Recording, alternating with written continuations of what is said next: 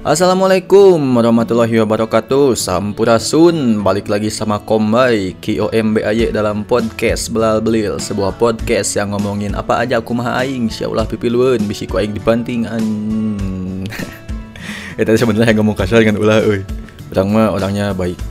Oke jadi ini adalah podcast kedua yang Di mana kemarin podcast pertama itu Saya tidak tahu ada berapa audiensnya Karena saya tidak memperhatikan itu dan di podcast kedua ini saya ingin berbicara anjir jadi saya baik. Tapi seperti biasa sebelum memulai topik bahasan kita, uh, gue bakal bacain sebuah berita. Uh, podcast ini diambil diambil maksudnya direkam tanggal 22 Oktober 2020 yang berarti bertepatan dengan Hari Santri Nasional. Sebagai info, aing ge santri si asli wani aing wani diriungkeun jadi dulu gue adalah seorang santri dan tapi quotesnya adalah sekali menjadi santri seumur hidup adalah santri. Jadi aina aing santri kene euy. Oke ini aku eh anjing jadi aku. Oke ini sekarang gue lagi baca berita dari Lembang News. Anjir panjang eh beritanya eh. Gak apa-apa beritanya dua jam yang lalu Sekarang setengah lima sore Berarti setengah pas nanti setengah tiga Berita ini naik di Instagram at News Selamat Hari Santri Nasional yang ditetapkan pada tahun 2015 setiap 22 Oktober. Hari Santri Nasional tidak hanya merujuk pada komunitas tertentu, tetapi merujuk mereka yang dalam tubuhnya mengalir darah merah putih dan tarikan nafas kehidupannya terpancar kalimat La ilaha illallah. 22 Oktober 1945 dianggap sebagai resolusi jihad di mana santri dan ulama bersatu serta berkorban untuk mempertahankan Indonesia. Saat itu Hasim Ash'ari yang menjabat sebagai Rais Akbar Pengurus Besar Nadatul Ulama atau PBNU menetapkan resolusi jihad melawan pasukan kolonial di Surabaya, Jawa Timur. Dan kondisi tersebut terlihat pada 21 dan 22 Oktober 1945 di saat pengurus NU Jawa dan Madura menggelar pertemuan di Surabaya. Pertemuan tersebut dilakukan untuk menyatakan sikap setelah mendengar tentara Belanda berupaya kembali menguasai Indonesia dengan membonceng sekutu dibonceng oi kana motor naon Lewat resolusi jihad, kaum santri memohon dengan sangat kepada pemerintah Republik Indonesia agar menetapkan suatu sikap dan tindakan yang nyata terhadap usaha-usaha yang akan membahayakan kemerdekaan agama dan Indonesia, terutama terhadap pihak Belanda dan kaki tangannya. Bagi NU, baik Belanda maupun Jepang telah berbuat kezaliman di Indonesia dan resolusi ini membawa pengaruh yang besar. Bahkan, ada dampak besar setelah Hazim Ash'ari menyerukan resolusi ini. Hal ini kemudian membuat rakyat dan santri, aduh, no, yuk, eh, notif, eh. Hal ini kemudian membuat rakyat dan santri melakukan perlawanan sengit, sengit, leh, sengit, melakukan perlawanan sengit dalam pertempuran di Surabaya. Banyak santri dan masa yang aktif terlibat dalam pertempuran ini. Perlawanan rakyat dan kalangan santri ini kemudian membuat semangat pemuda Surabaya dan Bung Tomo turut terbakar. Hingga akhirnya perjuangan tersebut menewaskan pemimpin sekutu Brigadir Jenderal Albertin Walter Southern Malabi. Malabi tewas dalam pertempuran yang berlangsung pada 27 hingga 29 Oktober 1945. Hal ini yang memicu pertempuran 10 November 1945. Oke, itu adalah sebuah sejarah kenapa Hari Santri ini bisa ditetapkan tanggal 22 November. Sedikit sejarah, pasti lebih banyak dari itu. Dan selamat Hari Santri Nasional sekali lagi sebagai seorang santri, gue juga masih santri kalau inget quotes yang barusan. Dan Hari Santri ini gue pernah mendengar sebuah kata-kata dari guru gue, dari ustadz gue waktu itu, ngomong tuh kudu ini disangka santri. Ustadz gue bilang santri itu terdiri dari dua suku kata, yaitu san dan tri. San itu artinya matahari, bahasa Inggris, dan tri itu artinya pohon. Jadi seorang santri harus bisa uh, seperti matahari yang selalu memberikan cahaya tanpa berharap balasan, selalu menerangi semua umat manusia yang pegek, yang nah, jadi kalau gitu yang pegek, maksudnya teh yang jelek, yang bagus, yang nakal, yang jahat, semuanya disinari sama matahari. Dan menjadi tri, tri itu adalah pohon, pohon yang memberikan kehidupan, yang memberikan cadangan air, yang memberikan oksigen, pernapasan dan lain-lain jadi santri itu adalah seseorang yang bisa memberikan dua sikap ini sebagai matahari dan sebagai pohon. Oke, mungkin itu adalah pembukaan dari podcast ini dan di podcast ini gue bakal cerita tentang uh, apa ya. Jadi gue udah berencana bahwa judul podcast ini adalah uh, cerita tentang pengalaman gue empat tahun kuliah di Jepang. Sebenarnya nggak empat tahun sih, empat tahun kurang lah, tiga tahun setengah kayaknya. Lah, gelah haus lah. Oke, jadi selama tiga tahun setengah, anjing kagok tapi ngomongnya bela 4 tahunnya, korting setik. Selama 4 tahun gue kuliah di Jepang, ada banyak hal yang gue belajar dan terutama mungkin kalau secara akademik gue mungkin cuman uh, D2 apa D3 ya D2 pokoknya emang nggak nyampe S1 dah. Nah, jadi dari sana sebenarnya ilmu yang sangat berguna bagi gue selama kuliah di Jepang itu bukan ilmu tentang akademik, tentang bahasa Jepang, tentang apa pun yang berhubungan dengan ilmu-ilmu formal di pendidikan bangku sekolah. Tapi yang paling berharga buat gue dalam uh, kuliah kemarin di Jepang itu adalah tentang bagaimana cara bersikap, cara memandang kehidupan dan cara berempati lah istilahnya seperti itu. Kenapa? Karena kenapa empati gitu? Karena gue kan di sana sebagai minoritas dan bisa kita bilang sendiri juga Indonesia itu umat Islam sebagai mayoritas aing Islam oh sebenarnya pan santri aing biar ngomong Nah jadi gue bakal cerita bagaimana perjalanan gue sampai ke sana dan akhirnya pulang lagi. Dan kalau misalnya gue bisa berkata dengan kecewa, gue balik belum menjadi apa-apa. Bukan belum punya apa-apa ya, tapi belum jadi apa-apa karena punya mah relatif. Hmm, menang duit tiba-tiba gak bisa jadi punya, tapi gue belum jadi apa-apa. Gue bisa bilang kayak gitu. Oke, jadi cerita ini berawal dari satu minggu sebelum kelulusan, satu minggu sebelum enggak sih, dua minggu kayaknya, dua minggu sebelum pengumuman kelulusan ujian nasional kelas 3 SMA. Waktu itu gue masih santri, masih pesantren. Jadi di tempat itu adalah seorang guru yang mungkin kalian juga tahu. Gue sekolah di Darut Tauhid, yang berarti kiainya adalah Kiai Haji Abdullah Gimnastiar atau Agim game ini di sebuah kumpulan santri di sebuah kajian uh, beliau menanyakan santri ada yang mau berangkat ke Jepang enggak nah kan gitu. Tak waktu itu gue nggak ngacung main kenapa? Karena gue tuh ambisi dari dulu tetap gue pengen kuliah ke Mesir. Kenapa ke Mesir? Karena gue baca novel Ayat Cinta dan aing yang jadi si Pahri. Meh menang si Aisyah, meh menang si Maria Pandua pemajikan. Bukan kita lain udah pemajikan jadi gue tuh dari dulu emang ambisinya pengen kuliah di Mesir. Tapi ya mungkin takdir berkata lain katanya gue harus kuliah di Jepang meskipun ya kuliahnya cuma segitu segitunya nah pas uh, Gim bertanya siapa yang mau ke Jepang gue nggak angkat tangan gue nggak ngacung. Dan gue juga emang nggak ada keinginan gitu untuk pergi ke Jepang karena emang gue udah belajar bahasa Arab deh sampai ke beli buku nanti dilutin karanal eh yang diajar bahasa Arab itu teh.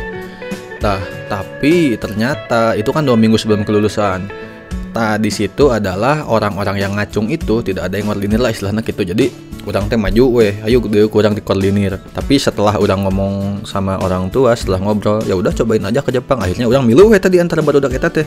Udahnya seru yang ke Jepang lah, bayi hayu. Nah akhirnya selain gua ngoordinir, gua juga ya yang bisa dibilang ngedata lah anak-anak siapa aja yang mau ke Jepang yang begini begini begini. Nah seminggu kemudian gue ternyata ada sebuah pertemuan dengan pihak Jepangnya langsung di Cianjur di Cipanas. Nah di Cipanas ini adalah e, wawancara tentang sekolah bahasa Jepang yang ada di Jepang sana. Ada di Osaka sekolah dari Erugakueng atau kita bisa bilang dalam bahasa Inggrisnya adalah Ehle Institute Japanese Language School.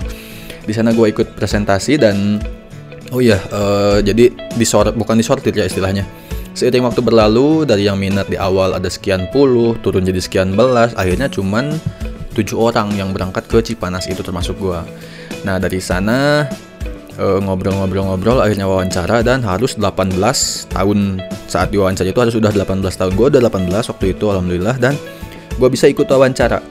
Dari berapa orang ya? Ada dari tujuh orang itu tiga orang masih 17 jadi cuma empat orang yang wawancara dan dari empat orang yang wawancara dua orang dinyatakan diterima. Dinyatakan diterima itu bukan hari H langsung diumumin tapi sekian minggu kemudian. Nah tapi semenjak gua udah ngobrol di hari itu gua langsung uh, apa bisa dibilang asrama lagi lah. Kan udah pesantren asrama sekarang asrama lagi di Cipanas tapi untuk belajar bahasa Jepang. Di sana gua tujuh orang tadi meskipun dua orang dinyatakan lulus tapi lima orang ini masih punya kesempatan untuk bisa berkuliah di tempat sekolah lain. Nah akhirnya kalau eh yang ngerokok lah hmm. oke jadi tadi sampai mana bi teh sampai dua orang. Nah lima orang ini lagi lima orangnya lagi ada wawancara masih tapi ini via online sih waktu itu pakai Skype. Lima orang lagi ini wawancara dengan pihak sekolah dari Kyoto. Gue kan kemarin di Osaka. Diterima tuh dua orang. Dari Osaka dua orang diterima kemudian di Kyoto. Nah di Kyoto ini lima limanya keterima. Kenapa? Ya mungkin karena sekolahnya lagi butuh siswa atau apa. Kumahalah baik teman putusan itunya. Nah selima orang ini ternyata sudah siap dan diminta untuk pembayaran pertama. Pembayaran pertamanya ini di sini lagi berkurang lagi. Dari lima orang yang daftar di Kyoto dan dua orang yang daftar di Osaka total tujuh orang yang mampu bisa dibilang uh, yang yang ditakdirkan untuk bisa melunasi si uang ini adalah empat orang. Empat orang pun tiga orang full termasuk gua di tiga orang itu. Kemudian satu orang lagi nyusul seminggu kemudian setelah gue di Jepang apa sebulan gitu. Nah jadi intinya memang di awal pun gue dibantu sama orang tua untuk bisa kuliah di sana. Biayanya gue juga nggak bisa nerka ternyata memang sebanyak itu. Tapi singkat cerita gue nyampe lah ke Jepang bulan Oktober tanggal 14 gue masih ingat. 14 Oktober 2015 apa tanggal 13 nya? Pokoknya tanggal segituan lah belasan 10 sampai 15 2015 dari sana gue udah mulai berusaha karena memang kesenjangan hidup sendiri ya di pesantren. Uh, oh ya sebagai informasi jadi dari empat orang tadi itu yang di Osaka dua orang ternyata cuma gue yang berangkat jadi gue sendiri. Dan yang di Kyoto lima orang cuma berangkat tiga. Mereka bertiga eh, nggak uh, tahu sekolah di sekolah yang sama nggak tahu nggak lupa lagi eh. nah singkat cerita bulan Oktober gue kan sudah ya ini bisa dibilang ya hebatnya sekolah-sekolah yang berjualan tuh kayak gitu di awal-awal pasti diceritakan di Jepang tuh begini begini begini begini dan jebret bulan Oktober aing bingung karena waktu itu gue masih berjiwa santri jadi tawaran-tawaran yang berhubungan dengan dunia makanan-makanan dan minuman orang Jepang yang berarti sake, alkohol dan lain-lain gua tolak semuanya men. Motongin daging babi aja cuman motong doang gua gak mau. Jadi dari bulan Oktober itu sampai bulan Desember gua nganggur selama dua bulan dengan duit yang tersisanya tuh udah kepotong buat biaya apartemen, buat makan, apalagi gua pengen beli handphone. Ah pokoknya mata ripuh men. Asli tak dua bulan pertama itu adalah masa-masa di mana gue merasakan yang bisa dibilang gue tuh mengempet-empetkan duit lah istilah nama mengempet-empetkan duit buat bisa makan dan ujung-ujungnya seminggu terakhir sebelum gue pertama kerja itu gue minjem duit sama temen. Uh, teman gue gue tinggal seapartemen ada sama satu orang orang Indramayu. Dia minjem sama temennya 5000 yen yang berarti sekitar 600 apa 700 ribuan gitulah dan si 5000 yen itu dibagi dua 2500 ewang. Nih buat kita bertahan hidup buat makan. Anjir sedih men. Nah dari situlah selama waktu sedih itu karena gue udah punya handphone gue udah punya dan lain-lainnya juga ya istilahnya untuk menunjang kehidupan sehari-hari gue udah punya udah beli juga dan untuk makan lupa. Karena itu kan emang gue pertama kalinya di umur 18 tahun harus megang uang bekal yang bisa dibilang itu belasan juta kalau dirupiahin. Dan gue asya sangguna nah weh kayak itu kak dia teh belanja belanja belanja bagian makan bingung belum kerja. Nah di situ kerasa men di situ gue mulai buka-buka YouTube gue buka-buka apa cari hiburan. Dan ternyata di situlah gue pertama kali melihat ternyata YouTube itu uh, ada orang juga yang bermain di sana gitu di YouTube. Gue pertama lihat videonya Reza Octavian si Arab.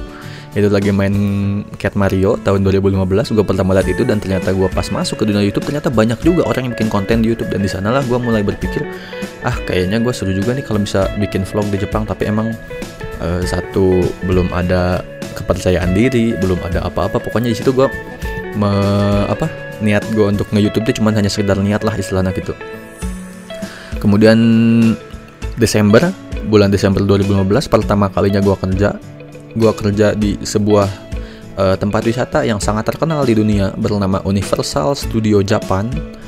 Gue di sana sebagai cleaning service, sebagai tukang bersih-bersih restoran, dan di sana cukup lama juga. Gue uh, kerja di sana tuh hampir satu tahun setengah. Dan bulan pertama gue cuman kerja beberapa hari, maka bulan depannya gajinya pun ya cuman dihitung segitu.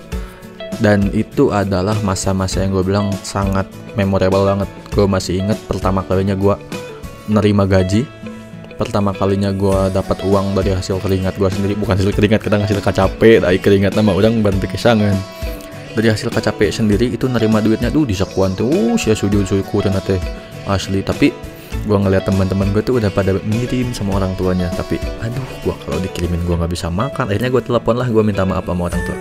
Bu maaf belum bisa ngirim itu yang makan. Hela ngus yang naon sudah dikirimkan ke ima ayah di sini aman soknya buat di situ dulu. Aduh kan sedih deh mana ayah ngirim duit tapi dak duit duit nah hayang dipakai dahar. Dah emang yang dahar eta teh hayang ulin encan waka. Tak pokoknya di situ gue bulan Desember itu tuh udah mulai kerja. Dan bulan Desember itu adalah musim dingin jadi gue kerja cuma seminggu dua kali apa seminggu tiga kali itu awal-awal. Sampai pada akhirnya gue seminggu bisa sampai lima kali di tempat itu di Universal Studio. Di hari yang lain pas libur musim dingin itu gue diajakin kerja di sebuah tempat pengiriman barang. Kalau di Indonesia mungkin bisa dibilang seperti JNE, Tiki atau yang lain-lain. Gue di bagian gudang. Di Jepang itu namanya Yamato Transport di Yamato Transport itu adalah gua kerja dan emang syarat salah satunya di sana adalah badannya kuat dan masih muda lah istilahnya gitu yang masih kuat ngangkat beban-beban berat. Dan ternyata benar gue di sana kerjanya itu di gudang e, kedatangan barang dan menyortir mana barang yang berat dan mana barang yang ringan. Di situ lumayan tah otot rada jadi karena gue juga sesepedahan di sana nggak pakai kendaraan bermotor Uh, terus di Yamato itu gue cuman dua minggu karena itu memang kerjaan musiman. Kerjaan dua minggu itu ya lumayan juga gajinya.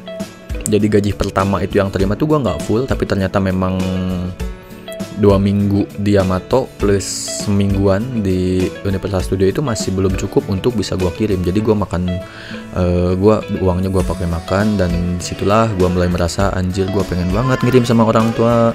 Gue pengen banget ngerasa bisa gitu ngebanggain orang tua dengan seenggaknya ngebagi gaji pertama gue. Tapi ternyata memang gue tidak ditakdirkan untuk melakukan hal itu. Meskipun di bulan depan-depannya ya ada juga lah rezeki lebih yang untuk bisa gue kirim dan itulah salah satu quotes yang bisa gue bilang mungkin gue ini juga dengar dari orang lain uh, tapi gue gue juga ngerasain aslinya kayak gimana rasanya. Jadi uh, teks dalam tulisan dalam chat yang dulu adalah bu minta uang. Sekarang jadi bu uangnya udah aku transfer anjir itu asli aing sedih pisan men. Itu pertama pertama kali orang tua nggak orang tua gue nggak tahu mau gue kirim tuh bulan bulan kedua apa bulan ketiga gue lupa.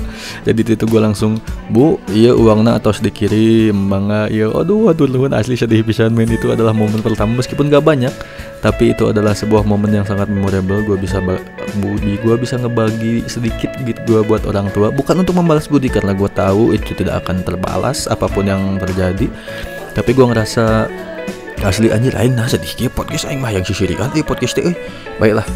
Nah jadi selama 4 bulan itu gua kuliahnya di masih kuliah bahasa setahun pertama. Kuliah bahasa oh enggak setahun setengah deh ya setahun setengah kuliah bahasa dua tahunnya lagi gua yang D2 itu. Oh bener tiga tahun setengah. Nah setahun setengah itu uh, gua kuliah bahasa dan di situlah mungkin gua bisa dibilang gua tuh kalau secara bahasa linguistik lawannya disebut nanti verbal omongan apa yang didengar itu mungkin gue bisa cepat belajar tapi untuk tulisan dan bacaan gue sangat susah sekali. Jadi sampai sekarang pun gue kalau disuruh baca huruf bahasa Jepang atau terutama huruf kanji gue masih bela beli masih gitulah pokoknya mah masih hece nah dan ternyata memang susah. Apa yang mau gue ceritain dalam bahasa Jepang tuh lebih cepet verbal daripada apa yang gue ceritain dalam tulisan Nah, situ bulan uh, April gue mulai ambil dua kerjaan. Di Yamato tadi gue asalnya kerja part time cuman musiman. Sekarang gue jadi kerja part time juga. Jadi gue bulan itu ngambil dua pekerjaan. Karena gue bahasanya masih jelek ya, belum terlalu bagus bulan April itu. Jadi gue tuh sempet dipindahin dari tempat pembagian barang sesuai alamat jadi ke boxman. Boxman itu adalah orang yang bawa-bawa box gede dan masuk-masuk dengan truk. Tadi situ tadi awalnya gue pas diusirnya itu anjir si belagu-belagungnya orang meskipun dengar bahasa Jepang tanya ah si teteh ngamak gitu.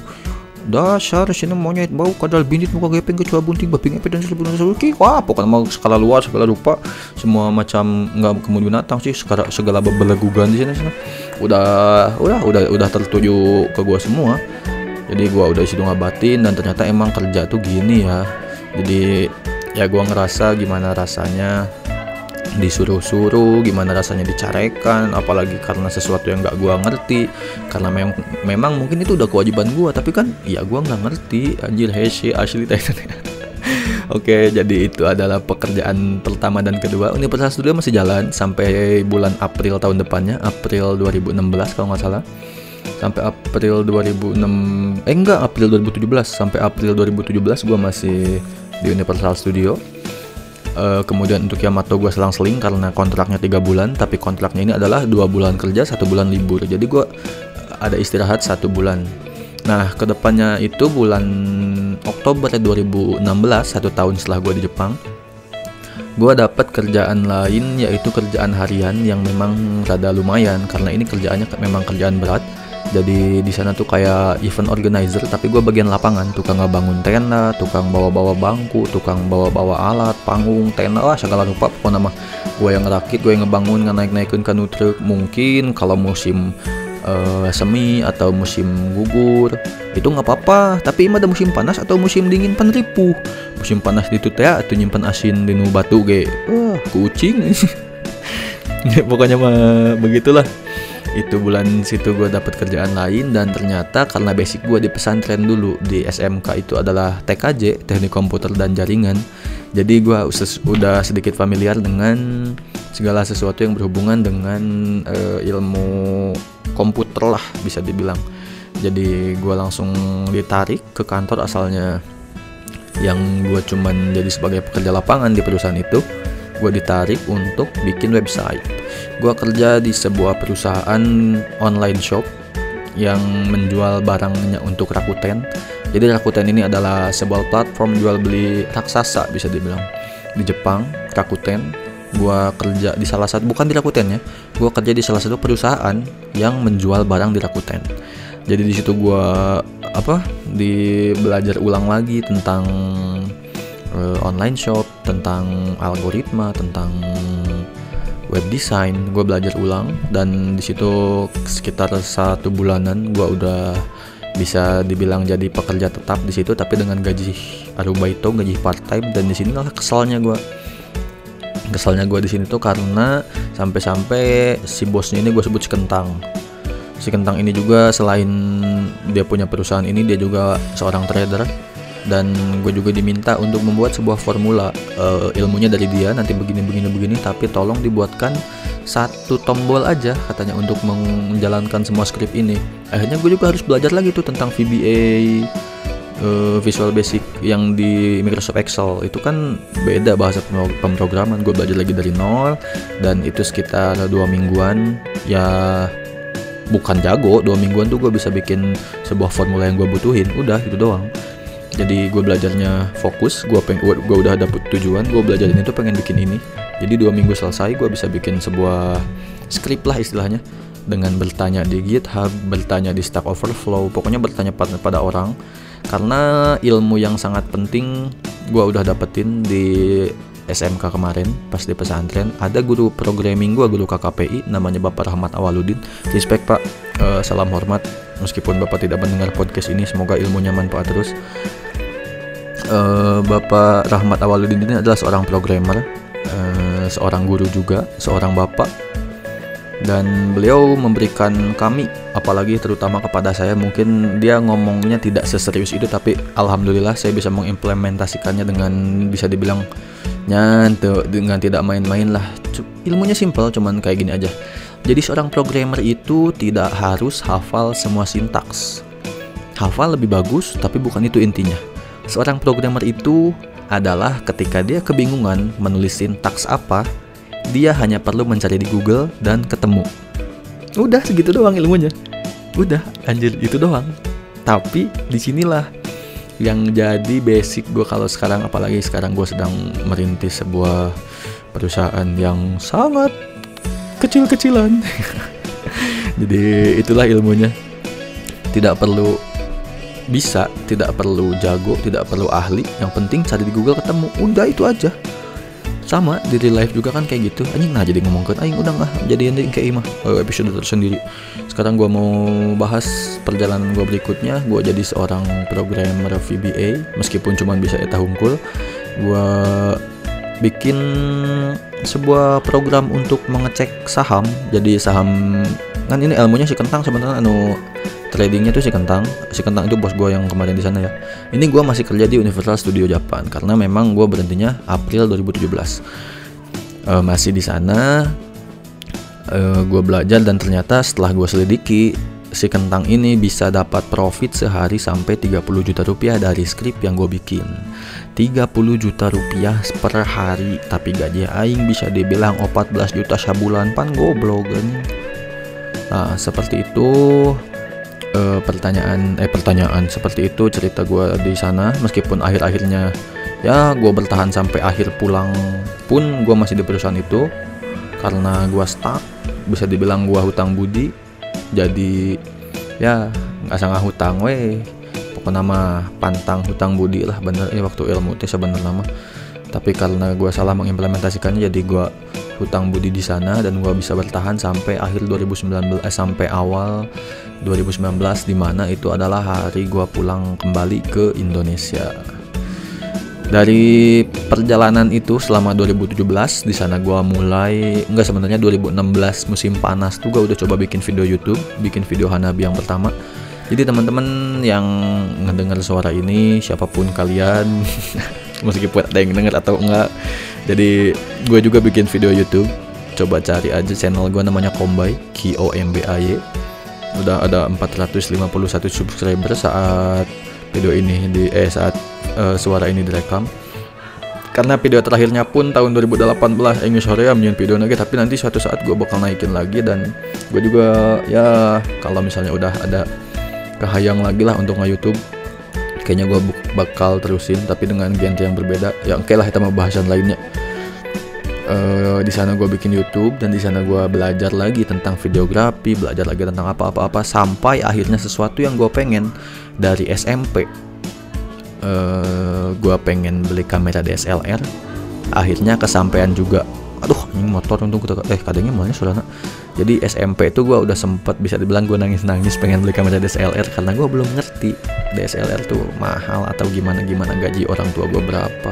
Akhirnya gue bisa beli kamera itu dengan duit gue sendiri selama itu selama itu pas waktu itu pas di Jepang. Dan memang itu sebuah pencapaian juga karena ini memang cita-cita gue dari dulu ya pengen beli kamera DSLR akhirnya gue beli dan kameranya udah ada di tangan tuh udah kok yang tunjukin ayo pas union kamera itu dan kemudian benda-benda lain seperti mikrofon ini juga gue beli di sana PC ini gue beli di sana dan ya sebenarnya uh, tidak bermaksud apa tuhnya semangat bekerja agar bisa begini itu dah kita semangat kerja nama tapi tadi itu memang gaji badak jadi aing meli jadi ya ini mah tidak bukan sebuah motivasi lah. Dah udah beda itu di dia buat ke dugu lupatnya mah hayang meli PC jika kio selama sebulan gitu hanya kaji mana kudu ada lumayan gitu kan namun di dia. Jadi gua nggak bisa ngebandingin kalian harus kerja keras untuk cita-cita begini begini begini karena nggak bisa disamaratakan kayak gitu. Gua bisa dibilang gua kerja nyantai di sana pun bisa beli ini karena emang itu Jepang. Itu beda dengan di sini. Dan memang apa ya mungkin orang bisa bilang hidup di Jepang tuh mahal hidup di Jepang gajinya gede udah mahal gajinya kayak kelas kelas aja jadi nih jadi nih orang bisa beli orang bisa orang bisa bilang terutama orang yang punya bisnis magang di Jepang bisnis sekolah di Jepang bisnis segala sesuatu yang berhubungan dengan Jepang orang bisa bilang gaji di Jepang itu besar gaji di Jepang itu begini begini begini begini. Heeh ada harus sekali di luar Jepang murahnya tujuh puluh ribu. Anjing saya teh menurut deh ya tergantung lah soalnya sama juga berbanding lurus dengan kehidupan juga dengan apa e, biaya kehidupan lah gitunya. Apartemen makan jalan-jalan yang self reward lah istilahnya. Ada angger lah mana itu bisa manajemen duit mah di Indonesia dek di Jepang. Duit mana banyak per bulan jika orang akhirnya orang balik ke Jepang kadi duit nage nginjem dah balik ke Jepang kadi teh. Tabungan eta ah anjir. Ah umum ah orang orang umum baga cerita bagian eta. Dah ting si teteh eta kadang ting teh teh maaf ya. Engke kurang dibayar utang lah gue masih ada utang men. Jadi begitulah itu bahasan lainnya karena agak sensitif juga. Dan bulan dua bulan 2000 deh. Dan tahun 2018 awal tuh gue udah punya beberapa video di YouTube dan gue masih bekerja di tempat yang sama masih bekerja di Universal Studio 2017 berhenti. Sisanya gue bekerja di tempat tadi. Nama perusahaannya gak akan gue sebut. Tapi gue bisa sebutin kalau si bosnya itu gue sebutnya si kentang. Udah itu unggul itu clue yang hese dipecahkannya. Di perusahaan itu dan akhirnya gue juga pada bulan Oktober 2018 gue masih nge masih ngeblog. Anjing hese ngomong eh? Bulan Oktober 2018 gue masih ngeblog dan tulisan terakhir di blog gue kalau uh, lo mau lihat di iqbalkmby.blogspot.com itu ada tulisan terakhir judulnya depresi bukan hanya mencari cara yang tepat untuk pulang atau karena itulah pokoknya inti nama nah di sanalah gue cerita tentang gue waktu itu masih umur 20 masih umur 20 tahun dan gue hutang budi hutang budinya adalah di pengalangan. Kun biaya SPP gue karena gue emang stuck di perusahaan itu. Dan gajinya nggak bisa sebesar gue kerja di perusahaan lain. Tapi karena gue niatnya belajar dan itu adalah sebuah kesalahan kalau misalnya gue uh, tahu bakal kayak gini gue bakal berhenti semenjak awal. Tapi apa gunanya penyesalan? Penyesalan itu datangnya memang di akhir. Kalau di awal itu namanya first blood. Nah kayak gitu di situlah gue mulai merangkai mimpi. Karena kan ini hanya sekedar cerita singkatnya ya. Ini gue nggak akan gue ceritain gue bertemu dengan seorang pengusaha sukses asal Subang pengusaha ban. Nggak akan gue ceritain tentang gue bertemu dengan staff kedutaan yang keren yang sangat friendly yang sangat dekat juga dengan gue itu akan dicerita bahasan yang berbeda uh, sekarang gue bakal cerita tentang perjalanan gue selama tahun 2017 tadi lanjutin 2017 sampai akhir 2019 gue bekerja di satu perusahaan yang sama terus menerus dengan gaji 14 juta per bulan.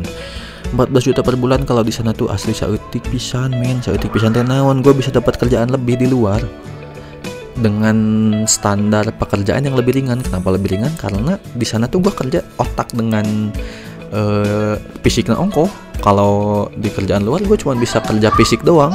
Ya kerja fisik doang teh ya udah capek datang ke imah dahar sare udah selesai pekerjaan. Udah beban nggak ada beban lagi dibawa tidur. Dan aku tipe ya udah nggak ada beban lagi. Tapi kalau di perusahaan itu gue muter 24 jam otak bisa dibilang kayak ini rada hiperbola etik 24 jam gue mikir harus kayak gimana harus kayak gimana harus kayak gimana karena yang jadi masalah gue adalah gue ini masih berstatus sebagai mahasiswa tapi dengan porsi pekerjaan seperti karyawan. Dan gajinya juga masih gaji porsi mahasiswa. Etan aing kesel pisan nama sebenarnya kalau gajinya dinaikin aing mungkin ya anggal sih bakal gitu. Dan itu akhirnya gue bisa dibilang di situlah gue merasakan titik terendah gue kalau bisa gue cerita aja kayak udah ganti backsound lagu aja di rada sedih pas bagian belah dia. Gue masih ingat tanggal 7 Maret 2019 adalah hari di mana gue seharusnya bisa berharap banyak karena besoknya tuh gue ulang tahun tanggal 8 Maret. Jadi tanggal 7 Maret ini Innalillahi wa inna ilaihi rajiun teman gue meninggal. Sahabat dekat gue pas lama di pesantren namanya almarhum Dewa Aryansyah. Jadi beliau meninggal uh, tepat pengumumannya di tanggal 7 Maret. Besoknya tuh gue ulang tahun yang di mana seharusnya gue bisa bahagia tapi gue memang sedih pada waktu itu. Dan itu adalah mungkin itu bukan titik terendahnya tapi itu sudah menuju proses ke sana. Titik terendahnya adalah malam di mana hari gue ulang tahun. Eh, uh, 21 tahun berarti 2019 eh 22 tahun. Dua eh itu kita Kula aing jadi poho deh 2018 aing seberapa tahun. Heuh pokoknya masa gitulah 2019. Dua-dua, heuh dua-dua 22 tahun. Eh mulai malamnya karena gue berharap handphone gue bakal rame oleh ucapan ulang ulang tahun tapi ternyata tidak ada sama sekali mungkin hanya orang tua gue juga di rumah hanya nelpon aja Kemudian bukan hanya itu, karena bulan Oktober juga gue udah merasakan sebuah tekanan pekerjaan dengan hutang budi, dengan hutang uang juga, dengan uh, tuntutan dari sana sini. Uh, ya gue merasakan di situlah gue sedang berada di titik terendah gue. Umur 22 tahun dengan gaji, eh nah jadi dengan gaji. Ah anjing jadi tersedih eh. Umur 22 tahun, seorang mahasiswa perantauan di negeri orang mengemban utang hampir sebesar. Ya lumayan badak men eh anjing apa? Jam aing hurung.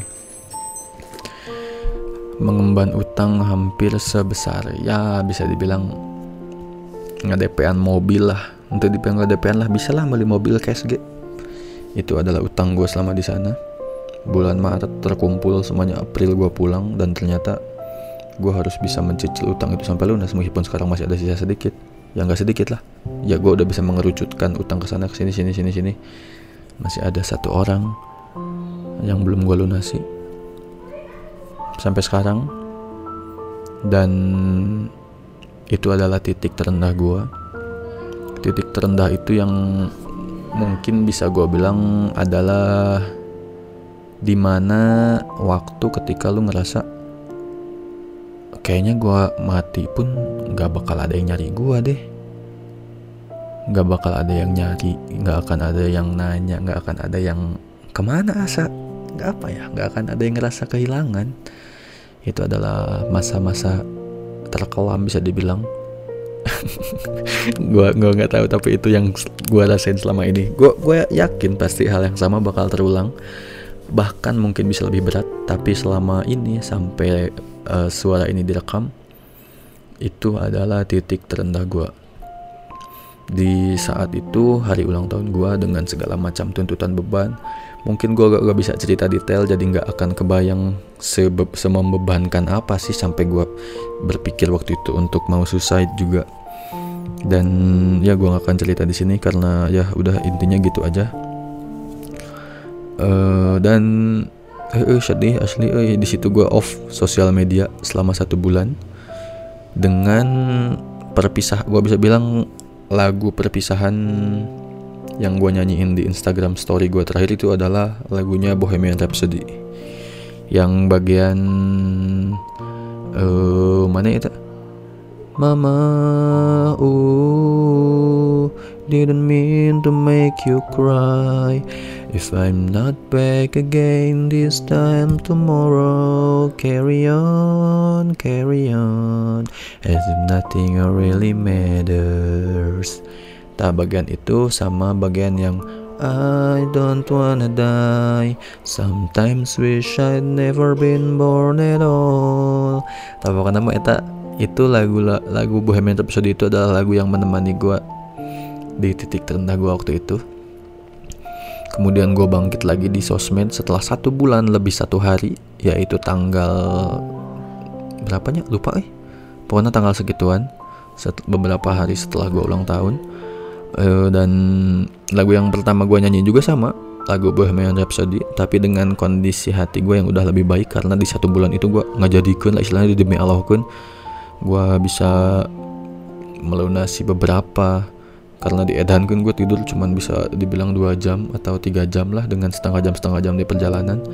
Karena itu emang di demi Allah kan istilahnya ngaripukan sebelum gue balik. Karena di situ gue udah komit gue nggak bisa lanjut gue pasti harus balik. Di bulan itu karena masalah finansial juga karena masalah satu dan lain hal juga. Jadi gue harus balik dan gue udah beli tiket untuk tanggal 19 April 2019 itu adalah pas pencoblosan pas pemilu pas hari H banget. Jadi itulah hari di mana gue pulang. Itulah hari di mana gue kembali ke tanah air ketemu sama orang tua gue dengan gue kalau misalnya sesedihan namanya gue bakal bilang ke ibu gue mom I'm sorry I filed eh gue masih ngomong nak pokoknya gitulah anjing. Mau hampura aing aduh anjing. Tuh iya euy gagal euy. Aduh aing mah sedih. Tapi pokoknya intinya mah ngomong gitu. Jadi memang itu adalah masa-masa juga di mana gue bisa senang karena gue ketemu orang tua gue ketemu teman-teman dekat lagi. Dan itu juga adalah masa yang menyedihkan karena gue ngerasa gagal aja.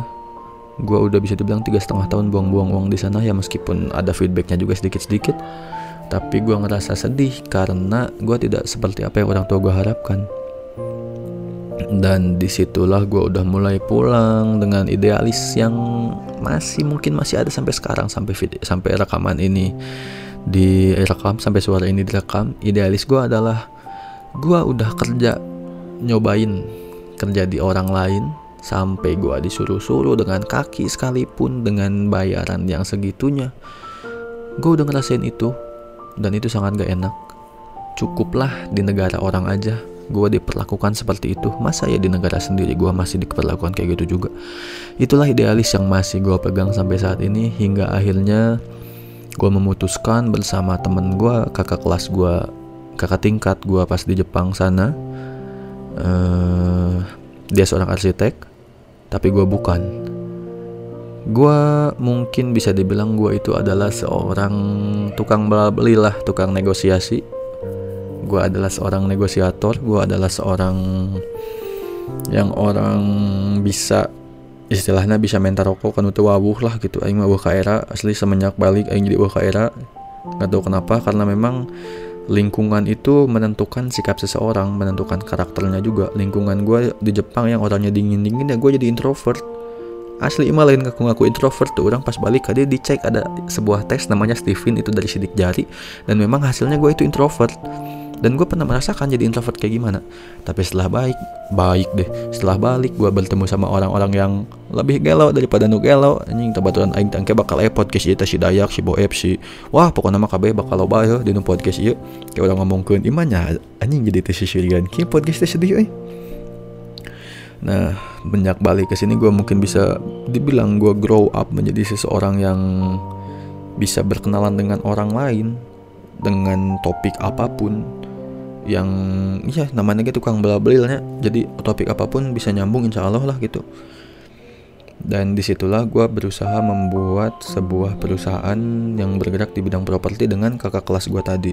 Kakak kelas gue arsitek gue bukan tapi gue bisa kerja bareng lah bisa dibilang kerja sama-sama dia meskipun gue bukan seorang arsitek. Kenapa? Balik lagi ke ilmu yang diajarkan oleh Pak Rahmat Awaludin lagi. Pak sehat-sehat Pak.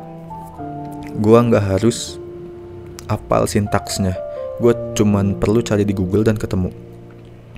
Gue nggak perlu cari gue nggak perlu jadi arsitek untuk bisa membuat sebuah perusahaan arsitek. Yang penting gue ketemu di Google ya. Gue Google di kehidupan nyata itu adalah real life di circle kehidupan gue gue ketemu arsitek dan udah gitu. Dan alhamdulillah gue bisa kerja sama sama beliau. Meskipun gue punya basic juga di programming gue punya basic di desainer gue punya basic di eh uh, itu teh? Ya pokoknya tukang bela belilah ini nama. Di fotografi gue punya basic lagi di mana ya bisa dibilang ya krisis identitas lah karena lain segala bisa min aing teh nyaho aing digebugan eh digebugan. Aing digeruan teh yang sebagai naon gitu. Gue punya basic di penulisan. Uh, btw gue lagi nulis novel juga sekarang. Tapi itu jadi-jadi. Baru ada 140 halaman A4 dan akan segera rilis mungkin enam tahun lagi. Ketang mal letting ya begitulah. Pokoknya tentang segala rupanya mungkin gue bisa dibilang punya basic di sana dan kalau misalnya ada orang yang minta tolong mungkin gue bisa tapi gue bukan ahli. Di situlah krisis identitas yang sekarang lagi gue rasain. Gue ini sebenarnya siapa sih? Gue pengen dikenalnya sebagai apa? Apalagi sekarang gue masuk lagi ke dunia broad eh, broadcast. Ya broadcasting inilah ke dunia podcast. Mungkin kalau misalnya suksesnya kalau sukses ini tak nanti gue ada yang kenal juga sebagai podcaster. Lamun iya mah di situlah gue sedang mencari siapa sih diri gue sekarang. Itu yang sedang jadi uh, masalah terbesar gue karena seseorang yang adalah seseorang itu dia bilang karena dia bilang begini masalah terbesar gue tuh bukan dari teknis atau gue tuh orangnya kayak gimana kayak gimana. Tapi masalah terbesar gue tuh adalah gue tuh selalu pengen kayak orang lain ya karena gue pengen karena pengen kayak orang lain ya karena gue nggak tahu gue tuh siapa gitu kan. Intinya kayak gitu. Jadi mungkin podcast ini akan berhenti di sini karena kelamaan juga Oke, mohon maaf uh, tidak banyak sisiriannya karena aing jadi ke bawah suasana jadi sedih goblok deh aing yang sisirian ieu podcastan gitu. Baiklah, mungkin di video berikutnya aing yang sisirian. Eh di video deh. Di podcast berikutnya aing yang sisirian. Terima kasih kepada kalian yang uh, telah mendengarkan podcast ini sampai sini kalau misalnya kalian mendengarkan tapi kalau tidak mendengarkan saya tidak akan berkata apa-apa karena malah nggak ada yang mimpi tiga hentu malah goblok busan sekarang gue udah tahu penutupnya kayak gimana. Uh, ya, ya Bismillah lah penutupnya ya Uh, Oke okay, mungkin untuk episode kali ini hanya sekian podcastnya. Apa yang bisa gue sampaikan mohon maaf apabila banyak kesalahan. Untuk pertanyaan bisa langsung untuk pertanyaan dan tanggapan dan apa pun itu bisa langsung tanya bisa langsung menghubungi Instagram gue di @iqbalkimby atau ke email podcastblablil@gmail.com atau nya di Spotify. Di mana lah ke mana lah pokoknya malah liur ini. Itu selain Q penutupan deh baiklah dan satu lagi, mohon maaf aing cadel. Wassalamualaikum warahmatullahi wabarakatuh. Sampurasun.